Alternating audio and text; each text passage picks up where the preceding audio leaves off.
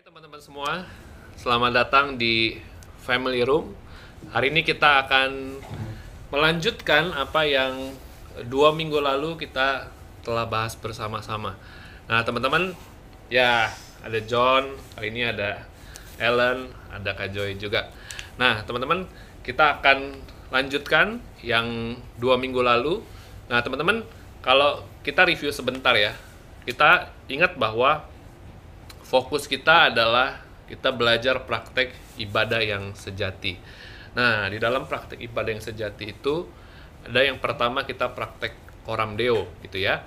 Yang kedua bagaimana kita eh, praktek memperbaharui pikiran kita, renewing mind ya. Dan yang ketiga bagaimana kita praktek beribadah, saling membangun bersama-sama dalam eh, komunitas. Nah, di dua minggu yang lalu kita belajar tentang ketika kita praktek koram deo, ketika kita praktek mempersembahkan tubuh, ya, maka Roh Kudus itu akan mengambil alih seluruh hati kita. Kenapa? Karena hati kita adalah rumahnya, ya. Ya, firman Tuhan berkata bahwa tubuh kita adalah bait Roh Kudus gitu. Tubuh kita adalah milik Roh Kudus.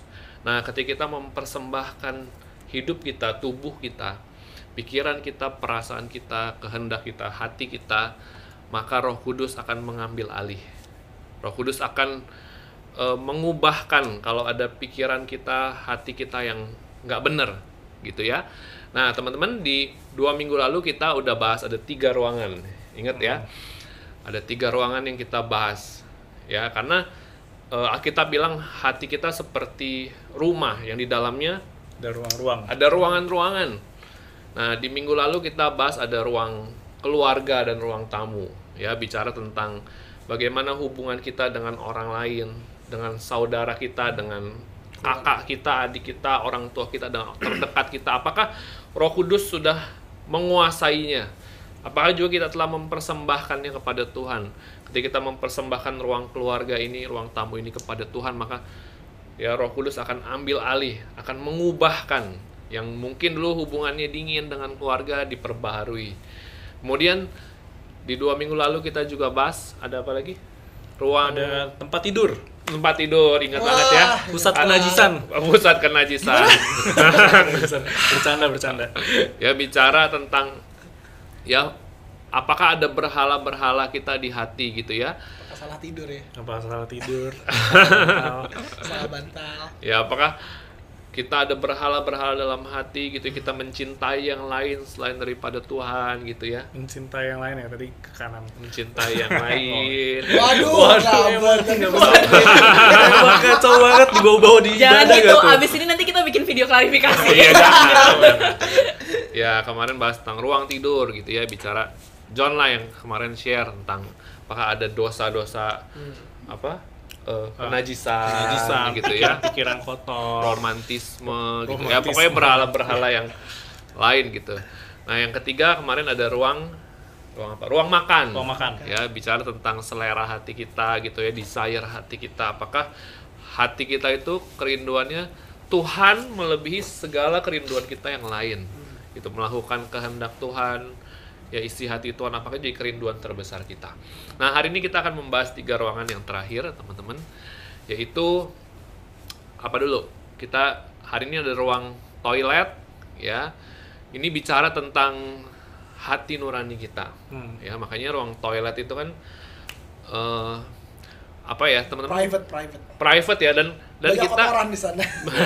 Dan kita tuh kadang nggak di semua toilet toilet kita bisa bisa pakai gitu ya Oh, iya, kan? oke, oke. aduh tergantung gitu Oh, kalau iya. to- toiletnya kotor ya. Oke oke Iya, sorry. Makanya jorok gitu. ya jorok gitu kan kita nggak kita nggak prefer gitu. Makanya perlu dibersihkan. Nah itu bicara tentang hati nurani kita. Apakah ada dosa gitu ya yang Hmm. nggak pernah dibereskan nggak pernah dibersihin gitu. Nah kemudian ada ruang apa lagi? Ruang Ruang belajar, belajar. Ruang ya belajar. ruang belajar. Nah, ruang belajar bicara tentang apa sih yang kita masukin ke dalam pikiran kita gitu ya apa sih yang sering kali kita imajinasikan gitu ada orang mengimajinasikannya apa eh, teori-teori ya apa Hmm. apa sih namanya Filsafat. filsafat, Filsafat, gitu kan. motivasi motivasi gitu ya Ya. rumus-rumus enggak ya rumus-rumus ada ada ada rumus yang ambi belajar gitu Hmm. Nggak ada di Gitu. sini aja orang. Nggak ada di sini. aja. ya atau eh, film-film gitu yang sering kita masukin jadi imajinasi. Nah kita mau belajar persembahkan itu kepada Tuhan supaya imajinasi kita hanyalah kebenaran firman Tuhan Ya. gitu ya. Terus ada lagi ruangan yang terakhir ruang gudang. Ya ini bicara tentang apa yang tersimpan di masa lalu kita.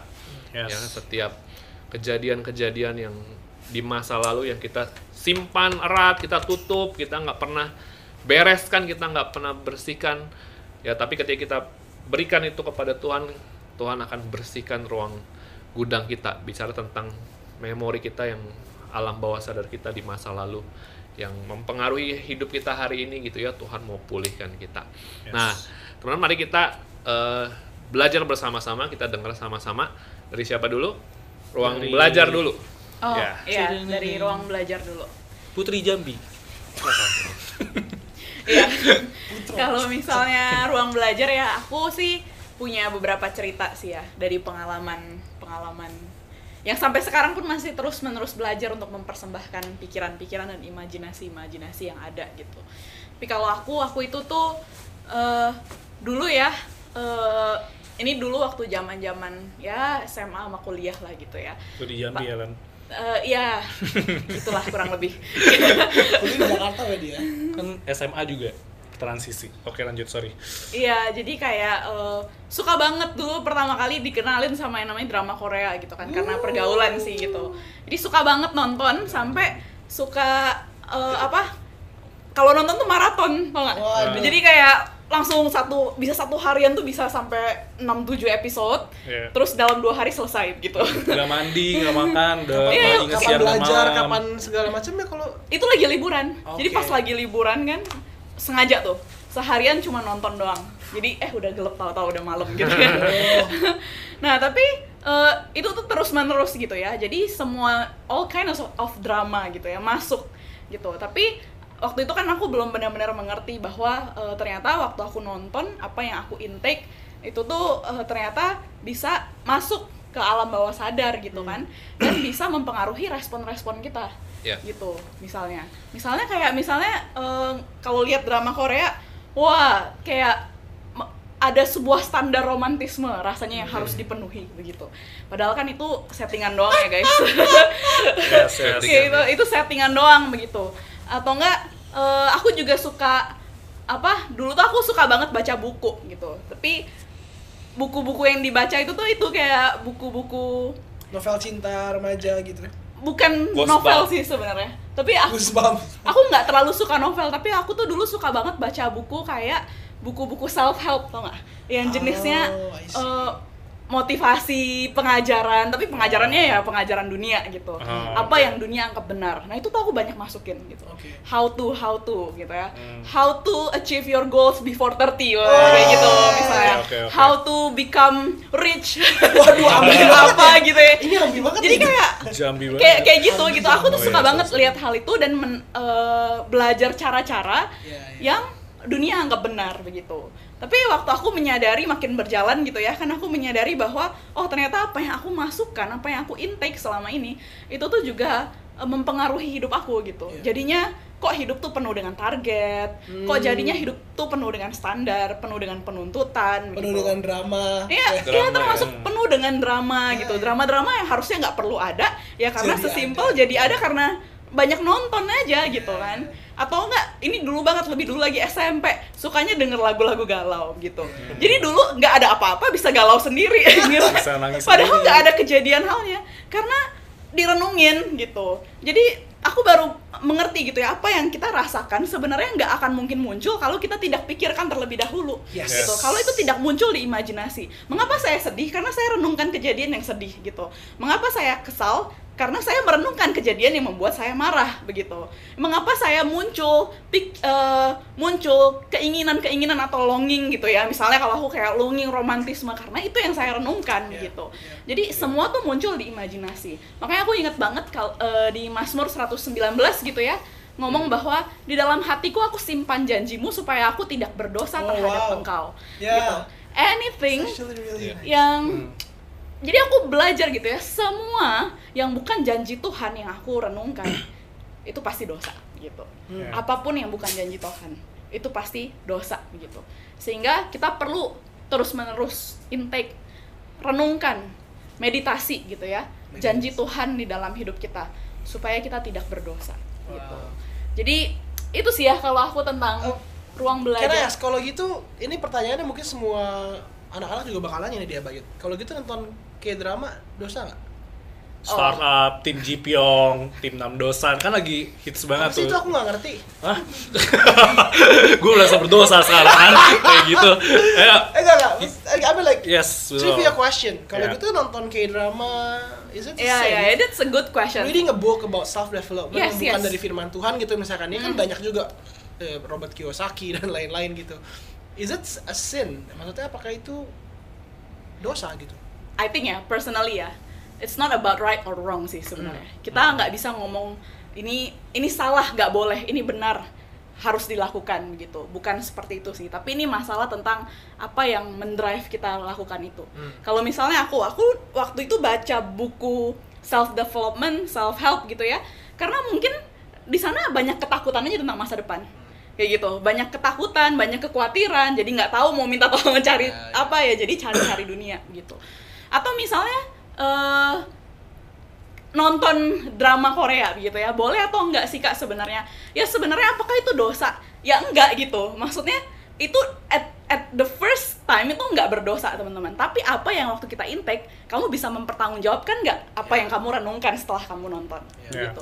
So it's not about boleh atau tidak boleh Yes. gitu. Tapi ini tuh tentang apakah yang kita intake kita renungkan nggak atau Ya. tidak akan kita renungkan. Ya. Which is buat aku selama aku berjalan mustahil untuk aku Tidak merenungkan. tidak tidak merenungkan apa yang aku tonton atau apa yang aku dengar atau apa yang, yang aku baca begitu sih sebenarnya. Berarti Ya. intinya adalah apa yang kita masukkan dalam hidup kita, dalam pikiran kita itu masuk sampai ke core-nya kita Iya. atau cuma disifat ya cuma equipping doang gitu. Kayak contoh baca-baca buku self self development itu it's not Hmm. bad, tapi Ya. kalau kita jadikan untuk esensi hidup kita itu bahaya karena Yes, kita nggak sesuai firman lagi. Tapi kalau untuk membantu kita untuk bisa belajar management skill and everything, I think that's not a sin. Ya. Ya ya. So so do the drama Korea dan lain-lain gitu. Ya, ya. Kalau kita menjadikan itu menjadi acuan hidup kita Ya. harus seperti itu, romantisme nih standarnya seperti ini. Ya. Atau kita jadi pingin karena ada ketakutan takut gak dapat pacar, takut gak kaya, takut segala macam ya John ya. Mhm. Itu, itu bahaya gitu ya. Jadi bukan masalah uh, sekedar apa yang kita boleh apa nggak boleh, tapi Ya. apa, apa sampai ngedrive kita apa enggak, apakah Mm-mm. masuk ke core kita apa enggak. Yes, exactly. Thank you, Ya. thank you Alan. Ya. Ya. Yes. Ya, Oke. gue lanjut aja. Ya. Ruangan berikutnya. Gua, iya, udah that's, gue masih tadi gue ayat yang kamu bawa itu gue kayak yes gue baru renungin itu sebenarnya. Cuma Mazmur 119. connection between that that verse sama tadi kenapa Hmm. kita mesti menyimpan di dalam pikiran kita. Ya. Actually that's that's that's really strong hook sih. Ya. So uh, ruangan yang berikutnya adalah toilet ya. Toilet. Toilet itu ruangan paling private. Hmm. Uh, gue gak tahu itu just me or semua um, teman-teman kalau di toilet rumah yang nyaman bisa lama. Iya. Iya. Eh, I, I thought it was just me gitu. Kalau gue uh, di rumah gitu ya, mau boker dulu. Kalau mandi ada bokernya sama mandi gak ada boker tuh beda. Gitu. Oh, gitu. Kalau mandi kalau mandi doang, gue bisa 5 menit keluar, udah beres. Iya. 5 menit makanya sebetulnya kamu mandi apa ngapain sih gitu kan. Kalau mandi plus boker 35 menit. Waduh, bokernya 30 menit.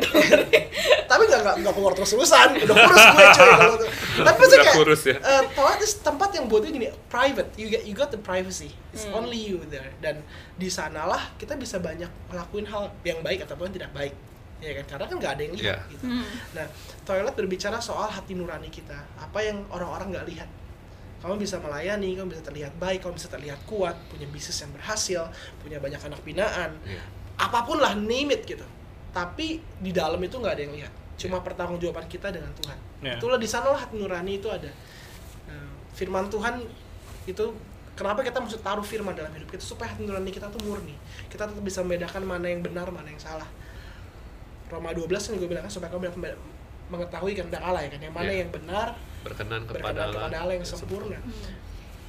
to discern untuk membedakan itu kita butuh hati nurani kita Iya. seseorang yang udah uh, makan indomie terus-terusan setiap, setiap hari dia gitu ya udah susah bedain lagi gitu udah nggak ada sesuatu yang new lagi begitu dia makan indomie gitu tapi orang yang jaga lidahnya gitu bener-bener jaga makannya makan makanan sehat begitu makan indomie dia tahu nih ada rasa yang gimana ngerti gak karena dia udah palatnya terbiasa kita membiasakan lidah kita sama taste-taste yang tinggi makanya filet mignon, rasanya makanan yang mahal-mahal yang emang yang bukan cuma pakai micin gitu ya. Iya. Kita kan sukanya MSG gitu, apa pakai MSG. Sama dengan hati nurani kita. Waktu kita tadi nyambung dari Alan, kita masukin firman dalam hidup kita. Kita menjaga hati nurani kita apa enggak? Tapi menjaga hati nurani itu bukan cuma nah ini ini ini tricky point nih. Bukan cuma kita masukin firman. Tapi actually kita mesti ada keterlibatan dengan orang lain untuk menjaga Iya. hati nurani. Maksudnya gimana? Menjaga hati nurani itu uh, kita bicara hidup dalam terang, tidak ada yang disembunyikan. Ya kan? Iya. Kita diterangi oleh Tuhan. Kita manusia tuh pinginnya dikasihi tapi nggak berani hidup dalam terang. We are craving for love tapi we are afraid of light. Ya. Kita nggak mau disorot, kita nggak mau dibongkar apa yang dalam hati kita. Ya. Ya, nah, sedangkan Allah adalah kasih dan Allah adalah Terang. terang. Hmm. Kita nggak bisa ambil setengah-setengah gitu. Nah, firman Tuhan 1 Yohanes 1 bilang soal hidup dalam terang adalah tetapi jika kita hidup di dalam terang sama seperti dia, ada di dalam terang, maka kita beroleh persekutuan dengan persekutuan seorang dengan yang lain dan darah Yesus anaknya itu menyucikan kita daripada segala dosa. Ayat 8 jika kita berkata bahwa kita tidak berdosa, maka kita menipu diri kita sendiri dan kebenaran tidak ada tidak ada dalam kita. Ayat 9 jika kita mengaku dosa kita, maka ia adalah setia dan adil sehingga ia akan mengampuni segala dosa kita dan menyucikan kita dari segala kejahatan. Kenapa hidup dalam terang ini dikaitkan dengan uh, pengakuan dosa? Ya kan dibilang kita mengaku dosa. Kalau kita mengaku dosa pada Tuhan dia setia dan adil. Tuhan mengampuni kita menyucikan kita. Tapi di ayat sebelumnya dibilang barang siapa hidup dalam terang akan memperoleh persekutuan seorang dengan yang lain. Hmm. bukan cuma sama Tuhan tapi seorang dengan yang lain. Karena untuk kita menjaga hati nurani kita murni kita perlu satu uh, satu elemen yang namanya keterbukaan. Hmm. bukan cuma terbuka sama Tuhan karena Tuhan sudah tahu lu nggak terbuka pun dia udah tahu hidup lu kayak apa ya kan Yes. isi terburuk kita paling busuk di hati kita apa Hmm. Tuhan sudah tahu kita Ya. hanya perlu admit Tuhan Ya. yes gue lemah gue jatuh gue gagal gue masih mikir hal seperti ini bertobat tapi menjaga hati nurani nggak perlu nggak cuma itu doang kita perlu satu komponen lagi yang adalah keterbukaan Hmm. semakin kita terbuka semakin kita menjaga diri kita Yes. nggak corrupted Ya. Hmm. ya eh, dulu Kak Ongki pernah sharing salah satu dosen dia dari Jerman eh, profesor dia eh, kasih rumus bagus dia bilang dia kan ku- S2 nya kebijakan publik ya Mm-mm. ilmu yang gak bakal gue sentuh sih jadi eh, authority minus eh, power power atau power minus accountability equals corruption Hmm. jadi eh, otoritas atau kekuasaan dikurang akuntabilitas keterbukaan Hmm. apa adanya dalam terang transparansi sama dengan corruption Korup. jadi kalau misalkan kekuatan kamu 5 kalau diangkain ya keterbukaan kamu 5 nggak ada corruption nol. Satu kali kekua- ke- kemampuan kamu dinaikin nih otoritas kamu jadi 7 Hmm. kalau keterbukaan kamu nggak naik cuma tetap di 5 Ya, ada dua yang corruption. corruption. Jadi bagaimana cara menghilangkan corruption? Either diturunin authority-nya atau lu naikin accountability-nya. Di sinilah kenapa uh, penting keterbukaan. Waktu kita terbuka nggak harus sama semua orang gitu. Nggak harus sama semua anak komsel. Tapi ada satu dua orang di mana kamu teman kompak kamu ya pembina kamu itu they have to know siapa kamu sebenarnya. Apa yang menjadi struggling dalam pikiran kamu apa yang kamu masih addicted nggak bisa menang itu mesti kamu buka supaya ada kesembuhan. Ya Yakobus 5 Ya. 17 ya kan? Dan kedua kita disucikan. Kita beroleh Hmm. persekutuan lagi. Dan darah Yesus menyucikan kita. Kita jadi hidup dalam terang. Kita nggak menyembunyikan hidup kita. gitu. Ada orang yang benar-benar tahu seburuk-buruknya kita itu seperti apa Ya. Ya. nah di sanalah kita lagi nah kalau di WC ya kita lagi flush Hmm. ya kita lagi flush terus tiap kotoran-kotoran ya terus kalau lagi sering mandi gitu ya kalau pakai shower kan tuh biasa tuh berlumut nah lagi sikat Hmm. lagi tuh kalau nggak licin ya kan Iya. yang bak yang pakai bak lagi kuras bak gitu Iya. karena lu nggak bisa taruh air terus-terusan pasti kotor lama-lama Kotor ya. jadi kita mesti kuras sesekali kita mesti bersihkan Hmm. kamar mandi itu tempat yang paling enak karena ya private and everything tapi juga tempat yang paling jorok Iya. Yes. karena kumannya banyak Hmm. karena lu bersih bersih di sana gitu so we have to keep our, our restroom clean Clean. Yes. clean Iya. caranya gimana praktekin firman masukin firman tadi Alan bilang ya kan terus masukkan apa yang benar kebenaran firman Tuhan menyimpan janji Tuhan dalam hidup kita dan kita mesti buka berani membuka hidup kita berani hidup dalam terang tidak menyembunyikan apa pun Iya. ya itulah esensi dari uh, toilet ya Ya. jadi menjaga hati nurani kita tetap murni sehingga kita sehingga kita tuh nggak gampang jatuh dalam dosa yang gini Ya. kok gue dulu bohong takut sekarang kok nggak takut lagi nah Hmm. ini I think I'm gonna close with this my part ya Ya. cara kita mengukur hati nurani kita bersih apa enggak Hmm. Ya. atau udah tumpul Iya. Tumpul atau tidak tajam atau tumpul bersih atau kotor ya Mhm. itu hal yang firman Tuhan bilang ini dosa lu dulu lakuin dan ih ini dosa sekarang kok biasa aja ya Hmm. Iya. artinya sudah tumpul sudah kotor kalau sudah kotor jangan ter- jangan terlalu berlebihan bertobat Iya. bersihin akui lagi taat lagi sama firman benchmark your life realign your heart and mind balik ke firman Ya. ini yang benar ini yang Ya. salah itu dan sih ada satu yang aku eh, perlu perlu tekankan ya ternyata gini kita sering kali menghubungkan antara ngaku dosa dengan kesembuhan yaitu Hmm. betul ngaku dosa memurnikan hati nurani kita tapi ada satu ayat yang menurut aku jauh lebih powerful di 1 Timotius 1 ayat 19 Hmm.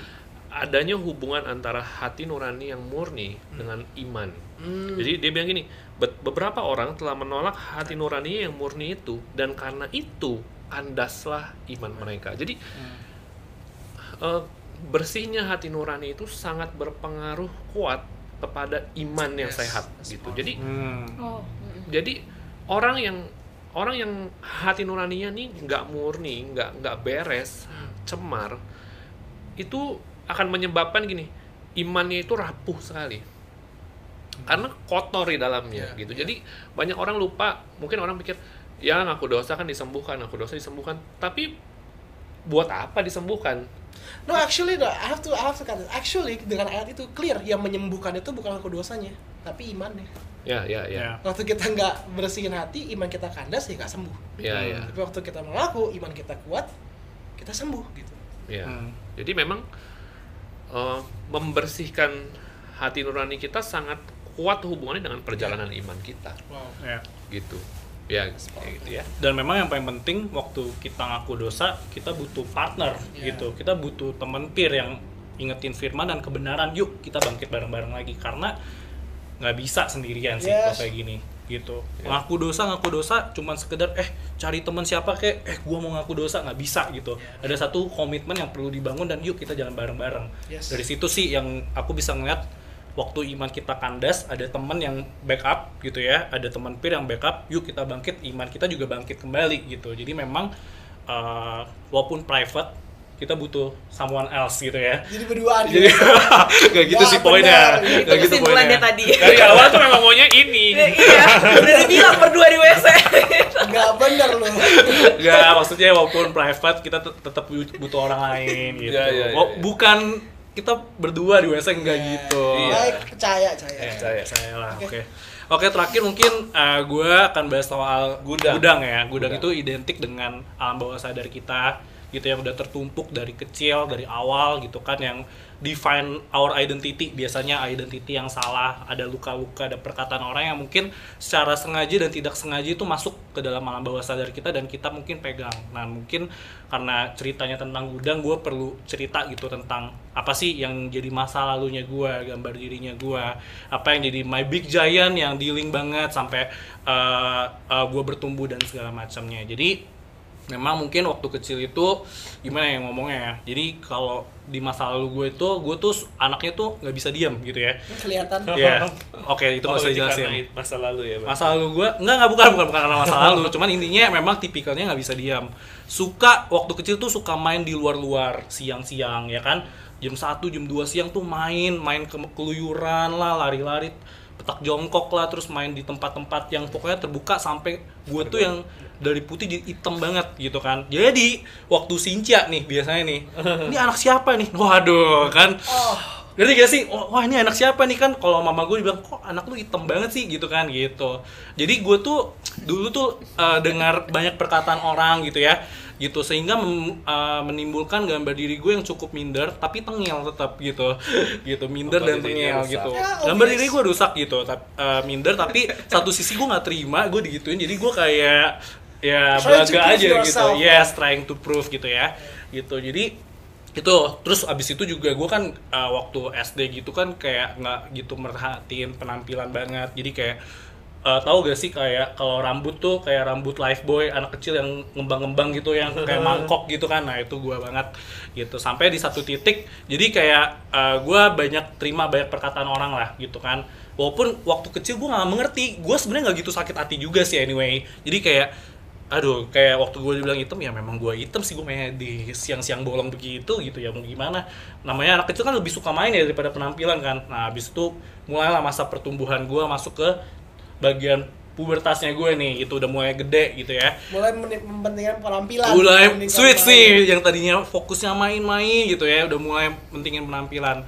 Intinya lagi main-main terus habis itu satu titik teman gue ngajak jadi selama ini tuh gue potong tuh bodo amat potong aja yang kayak dulu. Potong rambut potong rambut ya sorry potong rambut di kayak di abang-abang aja 6000 kan dulu masih murah banget gitu. Ya udah yang penting pendek aja gitu kan. Terus habis itu singkat cerita eh, teman gue tuh ngajak gue John ikut gue ke salon yuk gitu kan. Gitu sini gue kasih tahu ada tempat bagus pasti rambut lu berubah gitu. Terus habis itu oh iya boleh boleh gue ikut aja gitu kan. Intinya singkat cerita rambut gue berubah nggak mangkok lagi. Nah di situ gue gue mulai tanda kutip di sekolah naik daun nih ceritanya gitu. Wah. ini nggak gue nggak lagi cerita gue sombong atau apa nggak itu fana semuanya gitu ya. Tapi gue cuma pengen cerita gitu. Eh, jadi waktu gue tanda kutip naik daun terus kayak tanda kutip juga mungkin gue pernah ditembak lawan jenis beberapa kali gitu ya itu membuat gue tuh ngerasa gue diterima banget gitu. Wah si John nih eh, Kojo nih apalah dan segala macam itu di sekolahan gue. Jadi itu yang membuat gue tuh confidence banget gitu ya. Ini sorry nih agak kekek tapi gue sekarang udah punya pasangan? Sekarang belum. Ah, belum. Tembak, sering ditembak belum punya pasangan. Ah lanjut. Apa nih maksudnya? Kurang ajar. Berproses Ag- maksudnya. Agak ekek ya sorry sorry tapi it's my uh, story gitu ya. Jadi itu yang ngebangun confidence gue tapi di titik itu juga waktu ada orang yang ngomongin gue di belakang ngatain gue di belakang itu damage-nya dalam banget buat hati gue gitu kan. Itu itu sakit banget buat gue karena gue terlalu take personal perkataan orang buat gue baik itu yang baik ataupun yang buruk gitu. Jadi itu yang membangun my identity. Sehingga kalau misalnya gue ketemu eh, orang-orang yang ngomongin gue di belakang gue tuh gak suka di belakang di depan gue sini gitu. Kita klarifikasi sama-sama gitu. Gue nggak mau Sabar, Bu. oh ya maaf maaf maaf sorry. Nama nah, gue Ngegas. gue nggak mau nama gue tuh tercoreng gitu ya dari satu sisi dan segala macamnya. Karena di lubuk hati gue gitu gue punya luka di sini. Gue nggak mau dipandang eh, nama gue jelek dan segala macamnya. Karena ternyata perkataan orang tuh terlalu matters buat gue dan itu define my identity-nya gue sampai di satu titik gue tuh di link beberapa kali gitu kan terus akhirnya udah tuh gue ngerasa oh kayak gue udah cukup sembuh nih nggak ada lagi nih. Kayak udahlah udahlah kayak gue sembuh. Tiba-tiba gue inget banget ada satu kejadian itu mungkin di sekitar 2-3 tahun lalu itu tuh kita lagi fellowship ini loh pekerja inget kan?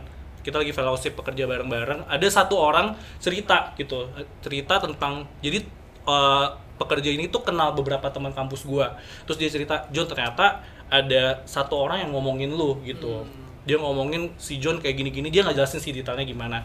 Cuman waktu gue denger tuh ternyata gue cukup overwhelmed gitu. Gue pikir gue udah sembuh. Ternyata itu overwhelmed banget padahal nggak detail dia ngomongin apa gitu ya.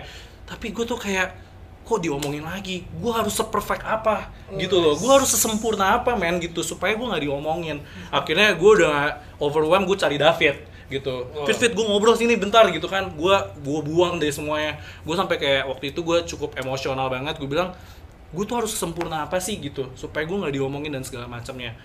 Akhirnya gue eh, David cuman intinya kayak ini ada something yang salah di gambar diri gue di alam bawah sadar gue yang paling dalam dan lain-lain gitu. Dan akhirnya gue inget banget setelah gue ngobrol gue tuh ngerenung gitu. Yang lain kan pada api unggun gue tuh ngerenung gitu kenapa gue tuh kayak begini gitu Kamu renung di api unggun ya? Enggak, enggak di api unggun. Di kegelapan, pokoknya Oh, di kegelapan. di bagian-bagian pojok lah, bukan yang kayak di tempat hahaha dan segala macemnya. Gue ngerenung kenapa gue tuh sesensitif ini, kuping gue tuh setipis ini gitu kan, dan segala macemnya. Dan ternyata waktu gue sampai telepon mama dulu waktu hamil Jun tuh pernah dikata-katain gak sih gitu kan? Ini kayak, iya, ini kayak kayak mama gue tuh sampai bingung gitu kayak emang kenapa John emang kenapa? Gak apa-apa pengen tahu aja gitu kan dan lain-lain gitu. Akhirnya waktu ngerenung-renung gitu ya Tuhan tuh ingetin gue ayat ini. Ini powerful banget sih dan ini ayat yang gue pegang banget. Sampai di titik ini uh, waktu gue up and down David tuh ada uh, yang selalu temenin gue Siapa gitu. sih David itu? Oh David itu pembina gue guys. Oh, pembina, ya. adanya Kak Joe gitu kan gitu. Dia tuh temenin hidup gue banget waktu gue lagi nggak cuma waktu gue lagi up tapi waktu gue lagi down lagi gue muntah darah dan segala macamnya gue Rohani, muntah darah. ya intinya lagi berdarah-darah dia yang temenin gue gitu. Sampai waktu uh, di dalam proses gue tuh menemukan ayat yang paling meneguhkan identitas gue sih. Mengubahkan, ya. mengubahkan identitas gue mengubahkan paradigma gue dan segala macamnya. Yaitu ada di Yesaya 43 ayat 4 oleh karena engkau berharga di mataku di- dan mulia dan aku ini mengasihi engkau maka aku memberikan manusia sebagai gantimu dan bangsa-bangsa sebagai ganti nyawamu. Di titik ini gue renungin ayat ini setiap hari. Iya. gue bilang kayak gila ya betapa bodohnya gue menaruh identity gue yang begitu mahal.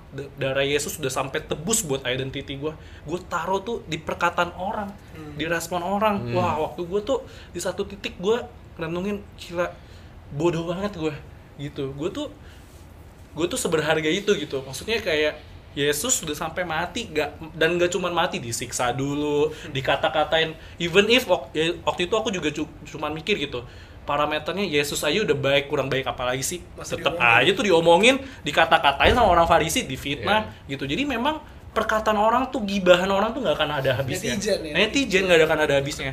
Tapi yang paling penting kita kita tuh gini loh kita tuh nggak bisa kontrol apa yang di luar. Respon orang hati orang nggak bisa. Tapi Iya. kita bisa kontrol apa yang di dalam hatinya Yes. kita gitu. Iya. dan hari ini waktu gue renungin gue breakthrough gitu ya Dik, di titik itu ya setiap ada perkataan orang gue denger isu-isu dan segala macam gue tuh confess ayat ini gue tuh berharga karena gue tuh mulia bagi pandangannya Tuhan karena darah Yesus yang udah tebus gue gue tuh berharga bukan karena perkataan orang gue renungin terus gitu setiap hari gitu. Sampai yang gue masih gak masih gak ada isu-isu ada gibahan-gibahan orang masih aja yang gue denger sampai di titik ini. Tapi gue bersyukur di titik ini respon gue waktu gue mendengar hal-hal seperti itu. Eh hati gue tiba-tiba shifting. Hmm. dulu gue akan respon utama gue gue akan marah gue akan cari orangnya sini lo klarifikasi lagi sama gue sini gitu. clear lagi clearin lagi kemarin yang belum clear mana gitu kan. sini sini clearin. Atau enggak gue sempet atau iya atau enggak iya, gue respon gue marah gitu. Terus atau enggak gue mikir udahlah gue bikin channel YouTube klarifikasi nih lu denger link dari gue aja. Tadi gak sih? Tapi gue bisa menemukan di titik ini karena gue terus kayak maksudnya renungin ayat ini gitu ya. Eh kok gue nggak pengen banyak beresin nggak pengen banyak bukan banyak beresin sih klarifikasi. gue pengen Membela. uh, membela nama gue dan segala macamnya gitu. Karena di titik ini gue keinget lagi ada satu ayat lagi yang uh, ini powerful banget. Ini uh, waktu itu Ellen Thea yang ingetin gue sama ayat ini sih di Amsal 4 ayat 18 tetapi jalan orang benar itu seperti cahaya fajar yang kian bertambah terang sampai rembang tengah hari. Jadi nggak butuh klarifikasi tapi orang eh, jalan orang benar tuh akan seperti cahaya yang terus semakin eh, eh, tinggi eh, di rembang tengah hari lu nggak lu prove it pakai words your words our words tapi itu akan kelihatan dengan sendirinya gitu jadi Iya. wah gue ngerasa bener-bener waktu kita open gambar dirinya kita gudang-gudang. gudang-gudangnya kita. Gue nggak malu gue cerita kayak gini gue lagi buka gudangnya gue gitu. Gue cerita semuanya akuntabilitas sama David juga gitu ya. Gue cerita gue sakit banget kalau gue diomongin A diomongin B diomongin C. Sampai Iya. di titik ini fit eh hati gue kok terreplace ya kok gitu. gudang gua bersih ya? kok gudang gue bersih ya? Kok gue tuh nggak mencari klarifikasi? Ya udah it's okay. Gue denger isu-isu. Ya udahlah itu urusannya mereka gitu. Bagian gue adalah gue menyoroti hati gue gitu kan gue menyelidiki hati gue ada apa sih soalnya di luar tuh cuman situasi kondisi orang Iya. dan barang yang Tuhan pakai buat men-trigger apa yang di dalam hati kita Iya. gitu ya itu aja sih kalau that's my kesaksian soal That's gudang my gitu ya kesaksian sorry sorry ini agak hybrid ya. banget ya. agak hybrid hybrid gitu gitu Iya. ya gitu sih sebenarnya Wow. Ya. Hmm. Teman-teman eh, aku percaya Tuhan begitu mengasihi kita ya sampai Ya. dia bukan hanya menyelamatkan kita tapi dia juga terus memulihkan kita dari hari ke hari, mengubahkan kita semakin hari semakin serupa dengan dia gitu. Nah, teman-teman mari kita terus praktekkan eh, ibadah yang sejati ini. Waktu kita terus sering bergaul karib dengan Tuhan. Waktu kita terus sering koram deo, waktu kita terus sering mempersembahkan tubuh kita kepada Tuhan. Maka dengan penuh kasih, Tuhan akan mengubahkan hidup kita. Dia akan membawa kita semakin lama semakin serupa dengan dia. Ya. Izinkan setiap hari kita menyerahkan seluruh hidup kita, ruang-ruang yang ada dalam hati kita. Mungkin itu ruang kamar kita, mungkin itu ruang tamu kita, ruang keluarga kita, ruang toilet, mungkin itu ruang belajar kita, mungkin itu gudang yang di mana sudah banyak pengalaman di masa lalu yang tersimpan di sana. Tapi dengan penuh kasih Tuhan, rindu untuk memulihkan kita, memperbarui kita menjadi semakin serupa dengan Dia. Teman-teman, mari kita terus praktekkan ibadah yang sejati ini. Maka hidup kita akan mengalami perubahan terus-menerus, dimulai dari hati dan pikiran kita. Nah, teman-teman, setelah ibadah ini, mari kita kembali sharing dengan teman peer kita, teman kompak kita, dengan teman komsel kita. Mari kita sharing bagaimana keadaan ruang eh, toilet tadi hati nurani kita, bagaimana ruang belajar kita, bagaimana ruang gudang kita. Apakah kita sudah persembahkan kepada Tuhan untuk Kristus bersihkan, untuk Tuhan pulihkan. Nah, mari kita cerita ya dengan terbuka kepada teman-teman kita. Mari saling mendoakan, saling meneguhkan. Kita bikin rencana ya bagaimana kita praktekkan firman yang telah kita terima hari ini. Semangat teman-teman semua. Ya, semangat ya kita semua sama-sama praktek. Dan sebelum kita selesai, menyapa juga teman-teman yang baru pertama kali mengikuti ibadah online di Abayut. Selamat datang. Selamat datang di Abayut, selamat datang di Gereja Sel. Teman-teman, kami adalah gereja komunitas. Apabila teman-teman ingin bergabung bersama-sama dengan kami, boleh hubungi nomor yang ada di di sini. Ya, kami akan menolong teman-teman untuk bergabung dalam komunitas yang lebih kecil, dalam pemuritan, untuk teman-teman bisa mengalami pertumbuhan lebih lagi di dalam Tuhan. Mari kita berdoa, kita akhiri ibadah kita hari ini. Kami bersyukur Bapa buat kesempatan kami boleh menyembahmu, kami boleh sharing, belajar firman-Mu, membagi cerita, saling meneguhkan. Itu adalah gambaran komunitas di mana Kristus ada untuk kami saling membangun, untuk membawa diri kami dan satu sama yang lain semakin serupa denganmu. Tuhan kami mau terus bangun rumahmu, kami mau terus saling membangun, karena itulah gaya hidup kerajaanmu. Terima kasih Tuhan, kami percaya kami telah menerima berkat yang Tuhan telah sediakan buat kami. Berkat jasmani, berkat rohani Tuhan kami percaya. Melalui kuasa salibmu, kami telah menerimanya. Setiap kesembuhan, pemulihan, kelepasan, kami juga percaya kami telah menerimanya di balik kuasa salibmu. Terima kasih Tuhan, kami bersyukur bahwa kami adalah orang-orang yang telah ditebus.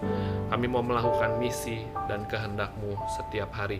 Memenangkan jiwa bagi kerajaanmu, memuridkan sampai ke bangsa-bangsa. Terima kasih kami bersyukur, dalam nama Yesus kami telah berdoa. Amin.